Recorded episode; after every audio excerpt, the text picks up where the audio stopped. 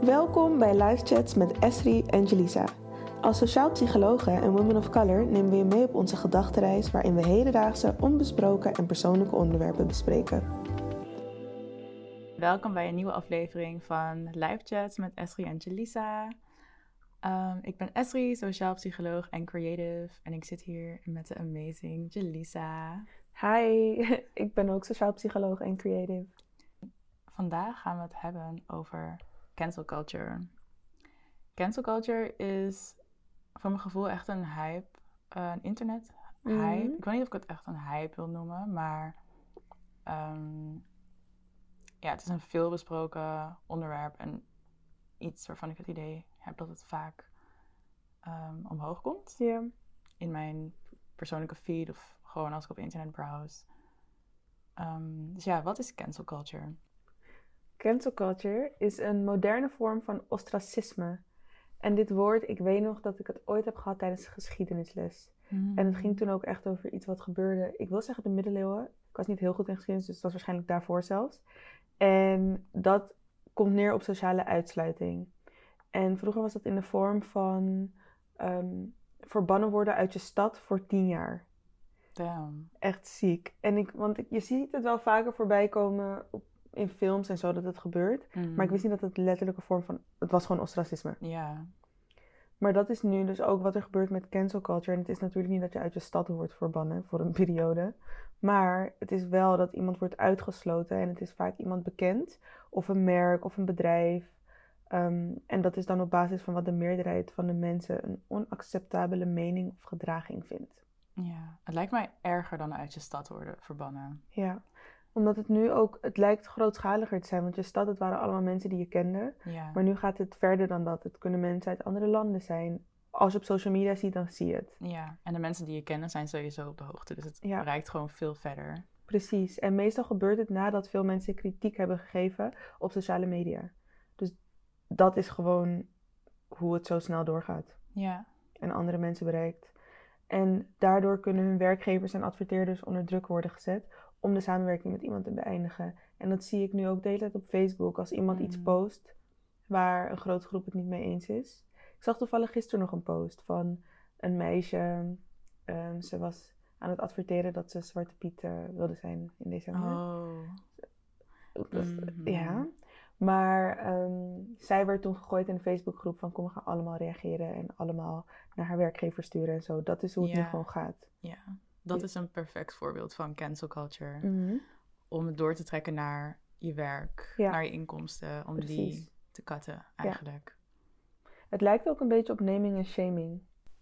En dat is wanneer er publiekelijk wordt gezegd dat een persoon, groep of bedrijf iets verkeerd heeft gedaan.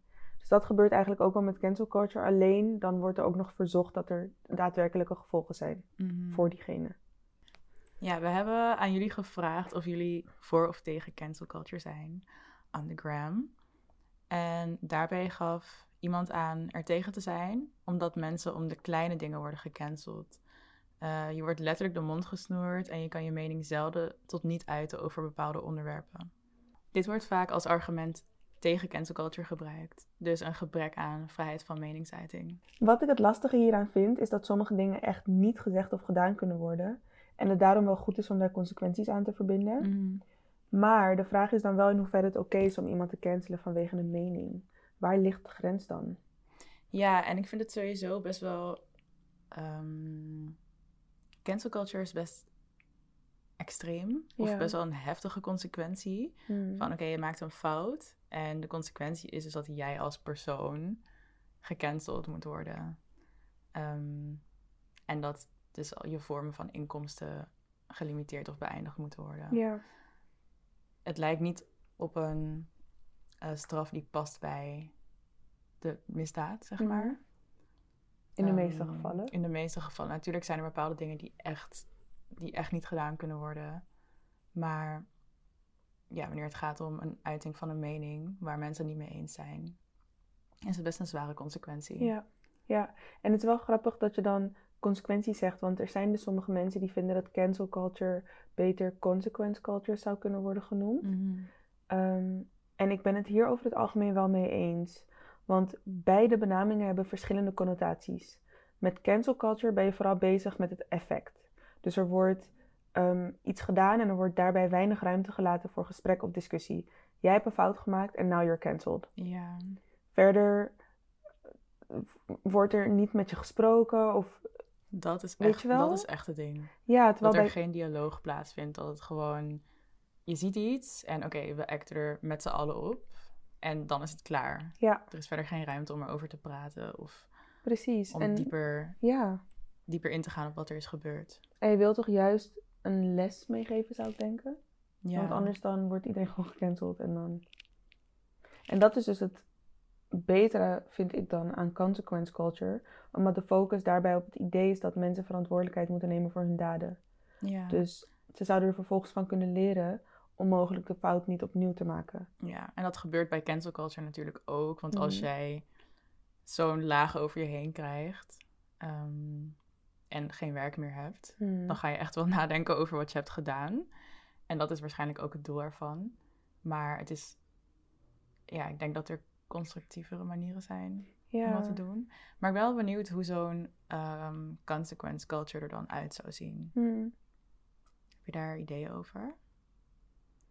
Ik denk dat het misschien. Want het, wat ik wel dan goed vind aan cancel culture is dat aan het begin in ieder geval, toen het net iets was, waren mensen bang om bepaalde dingen te doen of zeggen. Ja. Die mogelijk echt over de grens gingen. Mhm. ehm, dus grensoverschrijdend waren, omdat ze niet gecanceld wilden worden. Ja. Maar op een gegeven moment zien we dus dat het effect niet zo is als wat je zou verwachten. Mhm. En doen mensen alsnog wat ze willen doen. Terwijl met consequence culture zou misschien toch wel op een andere manier dan praat, komen mensen misschien met je praten of ehm, dan willen ze jouw kant ook horen om misschien aan te kunnen geven waarom het anders zou kunnen of moeten wat beter is. Zodat je echt iets leert en hoort. Ja. En niet gewoon een post vanuit je marketingteam krijgt om te posten van ik heb geleerd van mijn fout en ik ga nu met mensen praten. Iedereen post precies hetzelfde. Ja, ja. Weet je wel? Zo'n statement. Ja. Ja, maar dat, dat is inderdaad echt een belangrijk verschil. Dat je kunt ingaan op waarom het gedrag niet oké is Mhm. en waarom het anders moet. Ja. In plaats van eh, dat je iets niet doet omdat je alleen bang bent voor het gevolg. Dus de reden waarom je het doet is niet omdat je Precies. begrijpt waarom je het niet moet doen, Ja. maar omdat je niet gecanceld wilt worden. En daar ligt eigenlijk ja, Dat is het- een groot probleem ja. onder, want zo verandert er eigenlijk niks. Is Mhm. het effect van cancel culture niet dat mensen leren, maar puur dat ze bepaalde dingen niet naar buiten brengen, maar misschien nog steeds de verkeerde overtuigingen hebben. Mhm. Precies dat. Ja. Je hebt ook iets wat call-out culture heet. Mhm. Dat komt volgens mij van eh, vroeger op Tumblr. Had je Oh. blogs die aangaven waarom jouw eh, ideale, of hoe noem je dat? Idolen, Mhm. popsterren, eh, waarom zij problematisch waren. En er werd ingegaan op, op dingen die zij hadden gedaan die niet oké waren. Mhm. Ehm, maar call- call-out culture is dus het benoemen van iets wat problematisch is. Meestal een bekend persoon in het publieke oog. Waardoor er een natuurlijke escalatie plaatsvindt, omdat het probleem op grote schaal onder aandacht wordt gebracht. Dus eigenlijk de voorloper van cancel culture. Mhm. En cancel culture is dus echt het volledige boycotten van een persoon op een persoonlijk level. Ja. Oh, dus bij call-out gaat het om iets wat iemand heeft gedaan. Ja, En bij cancel culture gaat het om de persoon. juist. Dat is het verschil, ja. Ja. Ja. Call-out culture, dat klinkt dan echt als waar het eigenlijk over moet gaan, ja. ja. precies. En vanuit daar zou je dus kunnen gaan naar de consequenties. Ja. Dat zou voor mij denk ik een, een goede constructie zijn. Ja, eens. Om op de data te focussen en op hoe het anders kan. Mhm. Of de persoon te onderwijzen. Ja. Ja, vooral ook omdat cancel culture, of binnen cancel culture, ehm, het cancelen van iemand ja, best vaak op misinformatie gebaseerd is, omdat het zo via Mhm. social media verspreid wordt. Ja, precies. Want ik heb dus het idee dat cancel culture in essentie goed kan zijn. Dus wat mensen, denk ik, ik weet niet wat het idee erachter was, maar wat ze zouden willen proberen te bereiken, Mm. is denk ik wel goed. Of nou ja, dan in de vorm van consequence en call-out culture. Mm. Maar waar het naar mijn mening onder andere misgaat, is dat veel mensen cancelen op basis van een deel van een verhaal. Ja, precies. En dat is niet goed, want er lijkt groepsgedrag plaats te vinden en mensen gaan er dus in mee. van, oh, everyone is canceling him or her or them. So let's go, weet je wel. Ja, Of, en ook misschien wordt er raar naar jou gekeken als jij er niet in meegaat. Want everybody's canceling them. Waarom luister je nog steeds naar R. Kelly? precies. Dat kan je niet maken. Nee. Hij is gecanceld. Zonder dat jij misschien echt hebt onderzocht wat er is gebeurd. Natuurlijk is Ja. dit een geval waarvan, you know, ik begrijp het. Maar Same. het is goed om research te doen. Precies. Want het is dan ook dat je dan... Iedereen is aan het zeggen dat diegene gecanceld moet worden. En dan zie je soms op Twitter dat er wel vragen worden gesteld als waarom. En dus ja, ik hoorde dat hij dit en dit heeft gedaan. Ja, Je kan zoveel horen, maar het is goed om, zoals jij net zegt, gewoon een onderzoek te doen. Want dan kan je op basis daarvan echt besluiten of je wel of niet naar iemand wil luisteren. Of wel of niet iemand wil supporten. Mhm. Maar wel op basis van onderzoek dat jij hebt gedaan. En niet gewoon hearsay of groepsdruk. Ja. Terwijl ik wel snap dat groepsdruk invloed kan hebben hoor. Maar dat is wat het toxic maakt, vind ik zelf. Ehm, want het is ook zo dat nadat bepaalde informatie naar buiten is gebracht, het heel moeilijk kan zijn het weer uit de wereld te halen. Mhm. Dus het wel goed is om voorzichtig te zijn met wat je zegt en hoe je het zegt. Omdat het invloed kan hebben op hoe iemand gezien wordt. En al wordt iemand dan niet volledig gecanceld door iedereen, er zullen altijd mensen zijn die dan geloven dat iets op een bepaalde manier is gebeurd, terwijl het misschien ook niet zo is. Mhm. En ik vind het daarom dus wel belangrijk dat we ons bewust zijn van die mogelijke effecten. En een van onze luisteraars had het er ook over. En had het over een gebrek aan informatie. Maar dan juist van degene die gecanceld wordt. En dat vond ik dus ook interessant. Mhm. Omdat dit gaat dan over misinformatie bij de mensen die cancelen. Maar je hebt ook mensen die gecanceld worden die iets hebben gedaan zonder dat ze wisten dat het fout was. En dat is wanneer het echt belangrijk is om daar gesprekken mee te voeren. Of die informatie te delen. Want zij weten niet eens dat ze een fout hebben gemaakt. Ja, en now they're getting cancelled. Precies. En dat kan ook heel veel invloed hebben op hun mentale staat. Dus dat vond ik ook een mooi perspectief. Diegene gaf dus ook aan dat fouten vaak worden gemaakt door een gebrek aan informatie en het daarom belangrijk is diegene te educaten. We blijven groeien en leren, wat onze perspectieven ook kan veranderen. En hier ben ik het mee eens. Want vandaag kunnen we iets, net als die post van ehm, Don't judge someone by the knowledge they didn't have yesterday of zoiets Mhm. we blijven leren en het is daarom wel belangrijk om daar rekening mee te houden en daar mogelijk mee te helpen. Ja, we zijn dynamische mensen. Ja, Mijn mening vandaag kan totaal verschillen van mijn mening een jaar geleden Mhm. of een half jaar geleden. En dat is het lastige van het internet, want als jij iets hebt gepost een jaar geleden, ehm, dan is het gewoon out there. Mhm. En daar kun je dus, hoewel je van mening bent veranderd en wijzer bent geworden, en kun je daarvoor gecanceld worden. Zo was er een voorbeeld van iemand in de luchtmacht, Mhm. ehm, een chief, hoge, hoge positie. En hij had 33 jaar geleden een, een document geschreven, eh, of een verslag geschreven, waarin hij uitlegde waarom vrouwen eh, niet eh, in de luchtmacht moesten werken. Mhm. En daar is hij dus recent voor gecanceld en hij is zijn baan kwijtgeraakt. Oh, echt? Terwijl hij wel zijn excuses had aangeboden en had ge- uitgelegd of gezegd dat het zijn perspectief was in een tijd ja, waarin de maatschappij heel anders in elkaar Ja. zat en hij is sindsdien wijzer geworden.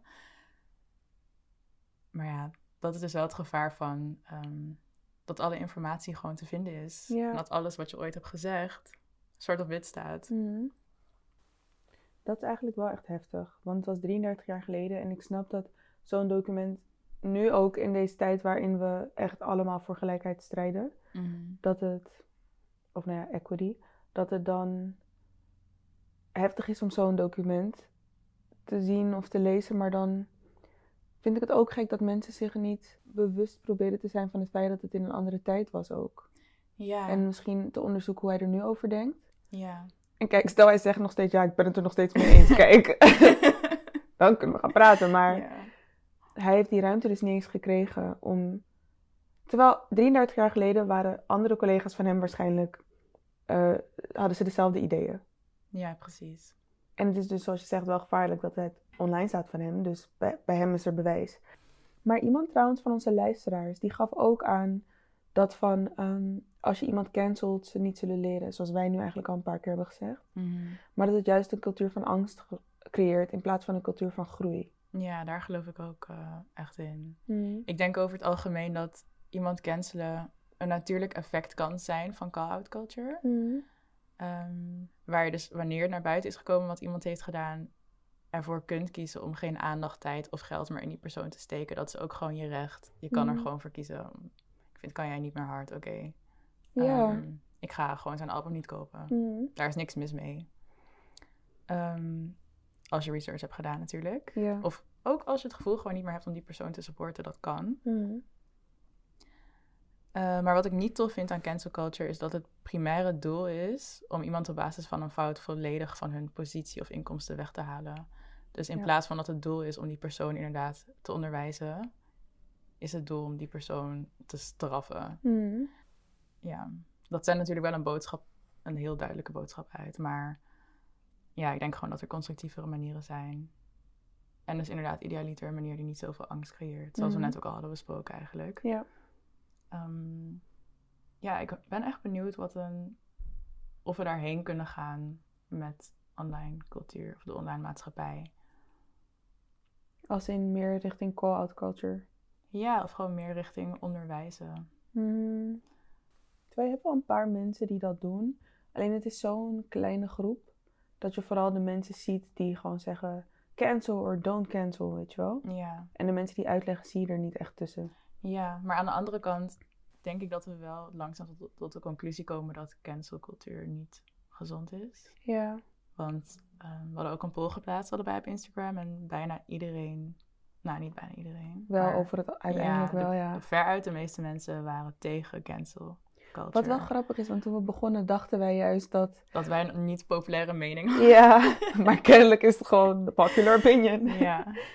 Maar wat wel interessant is, want we hebben het dan nu over cancel culture... en dat het eigenlijk gevaarlijk is en Mm. gebaseerd op misinformatie.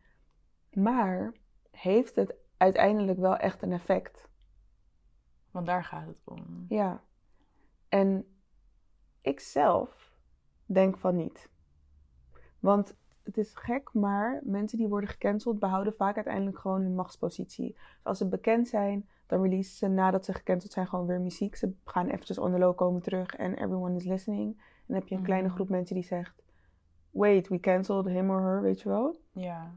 Maar Ja, zo is er ook toch ehm, J.K. Rowling van Ja? Harry Potter. Ze had dingen geschreven die anti-transgender waren, volgens mij. mm, Maar vervolgens had ze een nieuw boek uitgebracht. En had ze gewoon nog meer boeken verkocht Ja. dan daarvoor. Maar dat is het. Er gebeurt zo weinig met hun carrière. Ja, Dus cancel culture wordt zo erg benoemd als iets groots. ja. Maar het effect ervan is eigenlijk best klein. Ik denk dat het klein is bij mensen die al Heel groot en zijn. heel veel macht hebben. Ja. Maar het gebeurt ook bij mensen die geen machtspositie hebben. En dan kan het wel echt vernietigend zijn. En dat is dus waar ik het gevaarlijk vind. Ehm, er was een voorbeeld van een Afro-Amerikaanse bewaker van een Mhm. school in Amerika. En hij zei als verdediging tegen een leerling om niet het N-woord naar hem toe te gebruiken. Mm.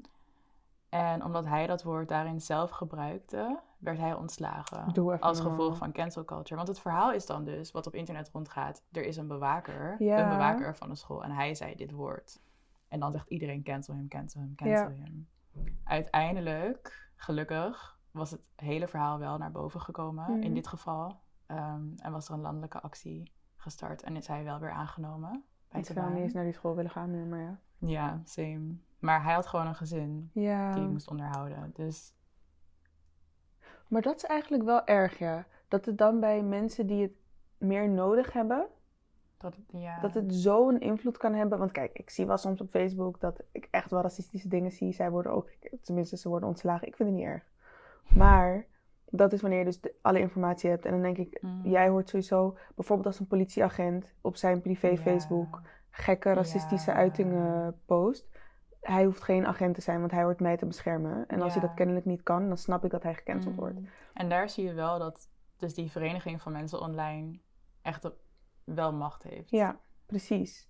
Maar dan met zo'n bewaker, terwijl zijn intenties goed waren, maar omdat dan dus niet volledig het, het verhaal volledig wordt uitgebracht, Mm. dan zie je weer hoe toxic het eigenlijk is. Ja, en dat is het gevaar ervan. Dat het gewoon eigenlijk op basis van een oppervlakkig verhaal wat uiteindelijk naar buiten komt, Mhm. er een heel grote mening wordt gevormd die heel grote druk uitoefent op Ja. een persoon.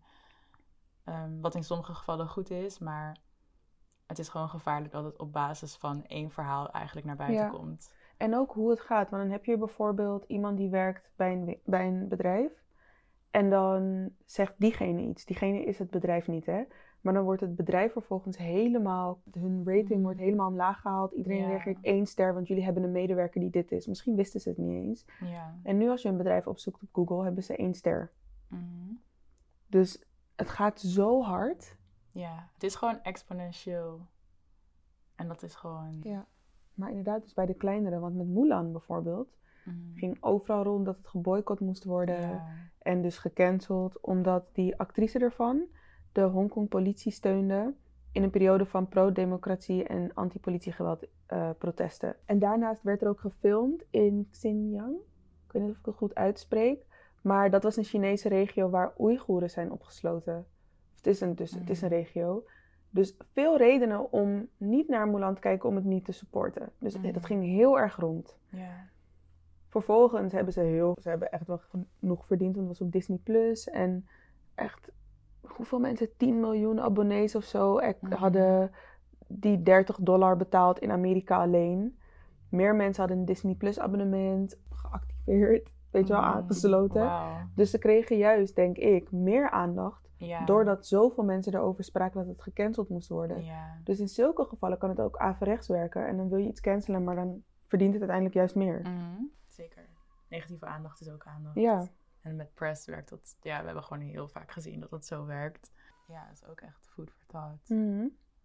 En dit, dat cancel culture uiteindelijk waarschijnlijk niet bereikt wat het hoort te bereiken, is ook anderen opgevallen. Want iemand had ook op onze vraag eh, op Instagram gereageerd dat hij denkt dat het niet mogelijk is om te cancelen, omdat iemand de consequenties even voelt en het harder aanvoelt als hij bekend is. Maar nu wij praten, denk ik eigenlijk, misschien voelt diegene het wel harder, maar de consequenties zijn uiteindelijk zachter.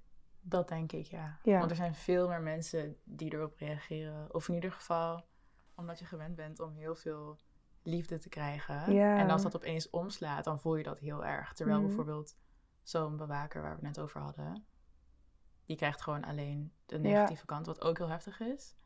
Ja, ik denk dat het niet eens te vergelijken is. Nee. En het is ook wel gek, want het voelt alsof iedereen.